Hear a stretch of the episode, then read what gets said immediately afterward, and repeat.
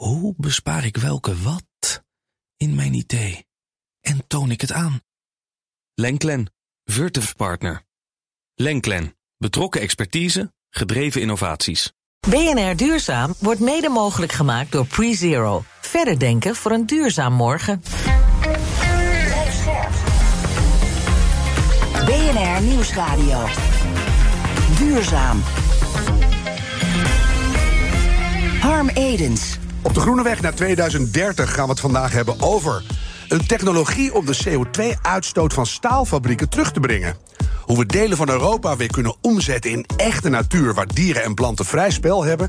En de directeuren van Shell worden nu ook persoonlijk voor de rechter gedaagd. In Engeland hebben advocaten van Client Earth elf directeuren van Shell persoonlijk aangeklaagd. De eisers vinden dat de directeuren veel te weinig doen om de klimaatdoelstellingen te halen. En dat ze door hun handelen ook nog eens het voortbestaan van het bedrijf in gevaar brengen. Het is de eerste keer in de wereld dat dit gebeurt.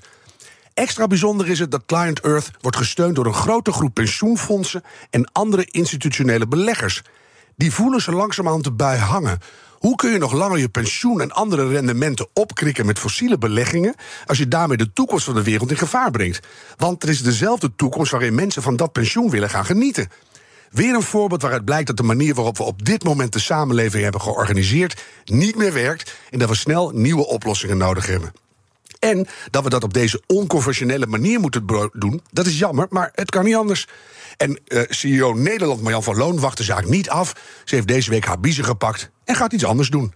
Ik ben Harm Edens, dit is BNR Duurzaam. En ons groene geweten is deze keer Muriel Aarts van Impacting Today. Muriel, fijn dat je er bent. Je hebt ons het duurzame nieuws van de afgelopen week bij elkaar geharkt. En we blijven even in de hoek van de fossiele bedrijven. Klopt, want er was ook nieuws over BP. 26 miljard dollar winst in 2022 maar liefst. Dat heeft vooral te maken met de Oekraïne-crisis en de gestegen olie- en gasprijzen natuurlijk. Dat is niet zo heel verrassend. Maar wat mij wel echt verbaasde was een andere aankondiging. Ze willen het wat rustiger aan gaan doen met hun klimaatdoelen. BP kondigde namelijk aan dat ze de komende zeven jaar meer olie en gas uit de grond willen halen. En dat de doelstelling om in 2030 40% minder te produceren nu is bijgesteld naar 25% minder. En ik denk dat het wel nu echt tijd geworden is dat er maatregelen komen dat we overwinsten gaan investeren op afbouw van fossiel en niet in opbouw. Ja, er was ook iemand die trok zich, ik weet niet of het BP was, die trok zich terug uit de algenolie of gasproductie ook weer helemaal verkeerde kant op. Het is echt onbegrijpelijk. Dan las ik ook nog dat grote bedrijven veel minder hard hun best doen om klimaatneutraal te worden. Dat is een groot onderzoek. 24 corporates zijn bekeken. En op één na beloven ze allemaal dat ze klimaatneutraal zijn in 2050. En tegelijkertijd brengen ze de broeikasgassen maar terug met 36 maximaal in de komende decennia. Dus daar zit een enorm gat tussen.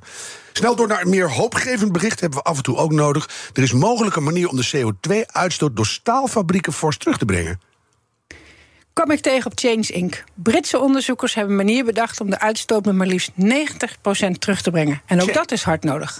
Want van iedere ton staal komt bijna 2 ton CO2 vrij. De industrie is verantwoordelijk voor deze industrie specifiek voor 9% van de wereldwijde uitstoot. Echt heel belangrijk dat het dus snel verandert. En onderzoekers van de Universiteit van Birmingham hebben een technologie ontwikkeld die daar mogelijk voor gaat zorgen. Ze vangen de CO2 CO2, die vrijkomt, op. En dan gebruiken ze dat in een chemische reactie waarbij ijzererts wordt omgezet in staal. Ja, en die staalfabrieken hebben we nog wel een tijdje nodig. Hè. Ook al kunnen ze op groene uh, stroom gaan werken. Maar dit is een, een, goede technologische toevoeging, zou je zeggen. Absoluut. Laten we hopen dat dit snel opgeschaald kan worden. Tot slot nog een onderzoek over de landbouw. Ja, een heel mooi onderzoek. En dat sluit ook aan bij onze gast van vandaag. Uh, Wageningen University and Research heeft een opdracht van het ministerie van LNV onderzocht. wat de boeren in de verschillende regio's kunnen doen. En? Om de landelijke doelstellingen te halen. En dan heb je het over water, dan heb je het over klimaat, dan heb je het over stikstof en alles. Die je natuurlijk geïntegreerd moet bekijken. Daar gaan we zo meer over horen. En de conclusie in de notendop was heel erg veel. Want het is echt, we vragen natuurlijk weer heel veel van de boeren. Ja. Maar vooral dat je het per gebied moet bekijken. Je kunt niet zomaar zeggen er is één ding. Het is heel afhankelijk van de situatie. Bijvoorbeeld in Zuid-Holland en Friesland heb je uh, veenweidegebieden. Mhm. Dat kan je helpen de grondwaterstand te verhogen. Dan gaat het daar weer een beetje beter. Maar de Veluwe zandgronden, dat moet je inzetten op minder stikstof. Mhm. En minder dieren, dus ook. En bemoedigend, eerste praktijkuitkomsten met de boeren laten mooie resultaten zien. En wat nog leuker is, is dat die resultaten kostenverlagend zijn voor de boeren. Want minder kosten voor het krachtvoer, kunstmest en loonwerk. Ja, Dus dat is belangrijk, hè, want de helft van de boeren, hebben we net gehoord, leeft in armoe. Precies. Dus dat gaat niet goed. Muriel, dankjewel. BNR Duurzaam. De landen in Europa moeten waarschijnlijk vol aan de bak met het grootschalig herstel van natuurgebieden. Want het Europees Parlement stemt later dit jaar over een wet die dit verplicht stelt. Een organisatie die hier al ruim tien jaar mee bezig is, is Rewilding Europe. En de directeur en medeoprichter Frans Schepers is hier. Frans, fijn dat je er bent. Ehm, ongerepte natuur. eh, is dat er nog op deze planeet? Want we hebben zo langzamerhand als mens overal met onze tengels toch wel aangezeten. Ja, dat klopt. De, de ongerepte natuur is eh, natuurlijk heel erg zeldzaam. En ja, via klimaat wordt eigenlijk alles beïnvloed. Maar ik denk dat we moeten oppassen om het, eh, zeg maar in ongerept of, eh, of niet te, gaan beschrijven. Je moet het eigenlijk zien als een, als een schaal. Hè. Hoe, hoe wilder, hoe beter. Hoe natuurlijker, hoe beter. Hoe meer die natuur zeg maar, kan functioneren op zichzelf, hoe beter. En in sommige gebieden levert dat een hele mooie wildernis op. Of misschien wel iets dicht bij pure natuur. Maar in een verstedelijk Nederland eh, geeft dat weer een heel ander beeld. Hè. Zo, zo, de- je moet het binnen zijn context zien. En het is een soort glijdende schaal eigenlijk. Ja. Laatste echte oerbos heb ik even opgezocht. In Nederland verdween al 150 jaar geleden, zo een tijdje. Nu kom ik uit bij de Biesbossen en de Oostvaardersplassen. Is dat zo'n beetje het wildste wat we hebben? Nou, ik denk langs de grote rivieren in Nederland, als je het hebt over oerbos, hè, dat zijn natuurlijk de oude bossen die we ooit een keer gekapt hebben. Maar daar zie je eigenlijk het nieuwe oerbos in de steiger staan. Want daar vindt heel veel spontane opslag plaats van, eh, van wilgen, van zwarte populieren, van eiken, essen, noem maar op. Ja. Daar ontstaat eigenlijk het nieuwe Europese ja, of Nederlandse rivierbos, het ooibos. En eh, als we dat mooi laten, zich laten ontwikkelen en, en, en volwassen laten worden, dan zie je daar een eh, ja, oerbos van de toekomst feitelijk. En, en dus eigenlijk een soort magovenbossen. En dat neemt ook extra veel CO2 op. Dat is een hele goede ontwikkeling. Ja. Als je wereldwijd kijkt, in Afrika en Noord-Amerika heb je echt nog plekken waar dieren en planten hun gang kunnen gaan. Bijvoorbeeld Rocky Mountains, Yellowstone en in Afrika die enorme plains. Ehm, eh, als je naar Europa kijkt, jullie zijn binnen de Europese grenzen actief. Waar is dat precies? Nou, eigenlijk moet je het zo zien dat. eh, kijk, er zijn een aantal trends in Europa die, eh, die ruimte geven voor meer natuur. Zo moet je het eigenlijk zien. En een van de belangrijkste is dat jonge mensen wegtrekken van het platteland. En er eigenlijk ruimte ontstaat. Oude generaties blijven achter. Maar je ziet dus dat eh, het proces van verstedelijking en het verlaten van land.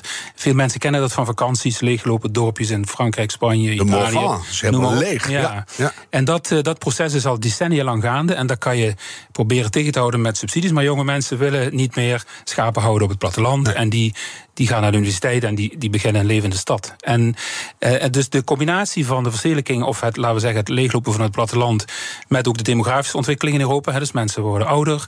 eh, zie je dus dat er minder druk op land ontstaat. Dus eigenlijk zitten we in een soort historisch moment voor Europa. waarbij er eigenlijk minder druk is op land. Vergelijk dat dus met India, Afrika, noem maar op. Daar net het alleen maar En toe, daarmee is Europa feitelijk uniek. En daar komt bij dat. We zien ook een heleboel diersoorten waarvan ik dacht 20, 30 jaar geleden... die gaan de eeuwwisseling niet halen. Ja. Die het allemaal weer veel beter doen. Denk aan de zeearend, denk aan de bever, denk aan... Nou ja, er zijn zo honderd soorten te bedenken. Zullen die, toch die maar noemen? De wolf. De wolf is een voorbeeld. Ja, maar dan, dan heb je die constatering en je Ja. ziet dat die ruimte gaat ontstaan. Ja. Wat kunnen jullie als Rewilding Europe dan concreet daar gaan doen? Wat doen Nou, wat wij feitelijk hebben gezegd toen wij het initiatief startten, er moet, moet eigenlijk een soort nieuwe visie komen op natuur in Europa. Wij zijn allemaal opgegroeid in een gecultiveerd landschap. En wij denken als wij niet maaien, planten, plan, eh, planten en, en, en, en snoeien en, en noem maar op, al- al die dingen die we in de natuur doen, als we dat niet doen, dan gaat het mis. Maar dat is natuurlijk helemaal niet waar. Dus wij moeten eigenlijk toe naar een andere visie op natuur in Europa, waarbij natuur meer op eigen benen staat. En waarbij de natuurlijke processen eigenlijk veel meer de ruimte krijgen, waardoor de biodiversiteit, de rijkdom aan soorten, dus een gevolg is van de natuur zelf en niet. eh, van mensen die constant met arbeid, met, met machines en noem maar op, Ja. eh, die natuur aan het beheren en aan het controleren zijn. Dat- en dat is een omdenken. Dit is best moeilijk, want ja, we zijn dat referentiebeeld ook kwijt. Maar het mooie is dat er heel veel voorbeelden zijn in Europa. Onder andere door die landvlucht, Ja. waar ik net over had. Maar ook eh, de, de terugkeer van diersoorten. En ook allerlei initiatieven, waaronder ons eigen initiatief ook. Waar je kan zien dat dat dus echt kan werken. Dus wat wij hebben gezegd is: oké, het is mooi om zo'n visie te hebben. Maar we willen dat in de praktijk ook laten zien hoe dat kan. Want er is geen blauwdruk. Hè, dus we zijn Je moet het gaandeweg. eh, Precies, we hebben tien landschappen in Europa, grote gebieden, minimaal 100.000 hectare. De meeste zijn 200.000 hectare of meer. Dus dan praat je over twee keer de Veluwe. Even de referentie naar, Ja. naar Nederland. En waar we die natuur aan het herstellen zijn door daar de ruimte aan te geven. Door ingrepen te doen in het begin. Bijvoorbeeld het weghalen van dammen of van dijken. Dat is een goeie, hè? Ja. Er zijn geloof ik in Europa 1 miljoen dammen die weg kunnen. Ja, nou ja, en- Onvoorstelbaar en die zijn allemaal, er zijn een heleboel daarvan zijn dus inderdaad totaal nutteloos. Ja. Die liggen er uit het verleden. Dus we hebben natuurlijk in Nederland ervaring met ontpoldering. Nou, dat doen wij ook in, in de Odo-delta en de Donau-delta bijvoorbeeld. Mhm. Maar ook het herintroduceren van soorten die juist het systeem weer aan de praat krijgen. Dus waar we eigenlijk mee bezig zijn, is om die natuur weer functioneel te laten functioneren op een meer natuurlijke manier. Waarbij dat dus een stapsgewijze benadering is en het niet per se naar wildernis moet leiden. Maar daarom zei ik straks, hoe natuurlijker, hoe beter. Ja, en een soort nieuwe veerkracht moet je terug zien Ja. te krijgen. Die dammen die helpen heel erg. Wat moet je nog meer weghalen? Want die natuur is er niet voor niks ingestort. Hè? Dus eh, zijn er nog meer negatieve Nou, ja, zaken die... de je natuur ingestort is misschien wat dramatisch. Nee, Eh, zo zou ik het graag willen noemen. ja, natuur heeft het moeilijk, maar. Mhm. Dat is het mooie aan rewilding, en zoals ze het noemen. De term in Nederland was altijd natuurontwikkeling. Omdat het nu eigenlijk sinds 10, 12 jaar in Europa booming is. Is een Engelse term, maar er zijn ook eh, en, en andere termen in, in, de, in de talen van Europese landen. Maar dat proces dat je. In Engeland zeggen ze het heel mooi: helping nature to heal itself. Ja. En dat is dus feitelijk wat je doet. Je werkt met de herstelkracht en de veerkracht van de natuur om vervolgens dat herstel eh, te doen zelf. En, en het enige wat je doet in het begin is een aantal ingrepen om dat mogelijk te maken, om daar de condities voor te, Ja. voor te geven. Nou, in Nederland is dat het weggraven van, eh, of het, terugleggen van dijken of het weghalen van dammen, Mhm. waardoor die rivier weer kan overstromen, dat bos terugkomt, bevers terugkomen, noem maar op. Ja. En zo kan je tientallen maatregelen bedenken om, om dat te kickstarten, zeg Ja, maar, ja, als het ja. ware. Zullen we even in Nederland blijven? Want jij gaf net de schaal aan, en twee keer de Veluwe. Nou, dat zouden we hier misschien nog net voor elkaar kunnen krijgen. Mhm. Maar wij hebben hier dan voortdurend die discussies in de Oostvaardersplassen. Ja, ja dat, die balans ontstaat niet, dus moet je weer heel veel dieren afschieten. Eh, is dat verderop wel denkbaar? Dat we in Europa toch weer nieuwe balansen gaan eh, Ja, zeker, creëren? absoluut. En, en eh, kijk, je hebt te maken met fysieke beperkingen, omstandigheden. Ehm, maar vaak is het veel meer de, de, de acceptatie, ook binnen de maatschappij, de lokale bevolking, Mhm. Eh, van ja, hoe wilt wil je het hebben? En eh, daarom werken wij ook in onze gebieden met lokale teams. Die hebben die gebieden ook bij ons aangemeld. Wij hebben die niet gekozen, maar die zijn aangemeld. Op basis van het selectieproces zijn we dan gestart. Ja. En daar hebben we een langjarig eh, commitment, 20 jaar. Want het gaat echt over transitie van landschappen. Waarbij het overigens niet alleen op de natuur gaat, maar juist ook heel erg over een nieuwe economie, een nature-based economy. Daar komen we zo want dat is heel interessant. Dat hè? is natuurlijk ja. waar we naar op zoek zijn. En dat is leuk hè, dat je daar ook raakvlakken ziet met Wereld Natuurfonds Afrika. Dan moeten we de lokale bevolking ook met elkaar leren dat leeuwen erbij horen en olifanten eh, over paadjes moeten en zo. Dat is eigenlijk hetzelfde. ja. En, en nog even terug, want dat vond ik heel mooi wat je zei, dat nature healing is zelf. En dan las ik op jullie website dat eh, de natuur ook heel goed is voor mensen en gezondheid. Kun, Ja. Kunnen jullie ook mensen helpen healing themselves? Hoe werkt Oh, dat? ja. Hoe- is die relatie tussen Ja. Nee, rewilding is- en rehealing? Ja, ik had het over een, eh, het omdenken. Hè. Paradigm shift is een mooie term. We moeten anders naar de natuur kijken. En ik denk dat bijvoorbeeld COVID heeft ons laten zien hoe weinig natuur er eigenlijk nog maar is. Ik zeg altijd, als je, eh, eh, je komt altijd in een bos op een andere manier uit dan dat je erin ging. Ja. Dat doet iets met je. Ja. En er zijn heel veel wetenschappelijke publicaties nu die de verband laten zien tussen de aanwezigheid van natuur en daarin kunnen vertoeven en de gezondheid van mensen. Dus we zitten te wachten op het moment dat verzekerings- eh, ziektekostenverzekeraars gaan investeren in natuurherstel en uitbreiding in Nederland of elders. Want daar zit echt een, een verband. Eh, maar het gaat heel erg over eh, zingeving, over spiritualiteit ook. Maar het gaat vooral ook over gezondheid. Ja. Van mensen die de natuur opzoeken, omdat ja, het hedendaagse leven daar heel erg om vraagt. En ook domweg bewegend groen aan de ogen. hè. Dat schijnt gewoon in je reptiele brein ook nog iets te doen. Dus is er ook een directe link met de klimaatcrisis? Want daar zijn we natuurlijk ook elke dag mee bezig. Absoluut. En gelukkig begint dat steeds meer eh, duidelijk te worden in, in Parijs. Hè. De, bij de klimaatconferentie in Parijs was dat eigenlijk nog nauwelijks werd dat verband gelegd. Eh, maar daarna wel. Ehm, en, en eigenlijk moet je het zo zien: het zijn twee kanten van dezelfde medaille. Eh, de natuur kan oplossingen bieden die het klimaatprobleem enorm helpen beperken. En dan kan je denken aan het invangen van CO2 door grootschalig natuurherstel.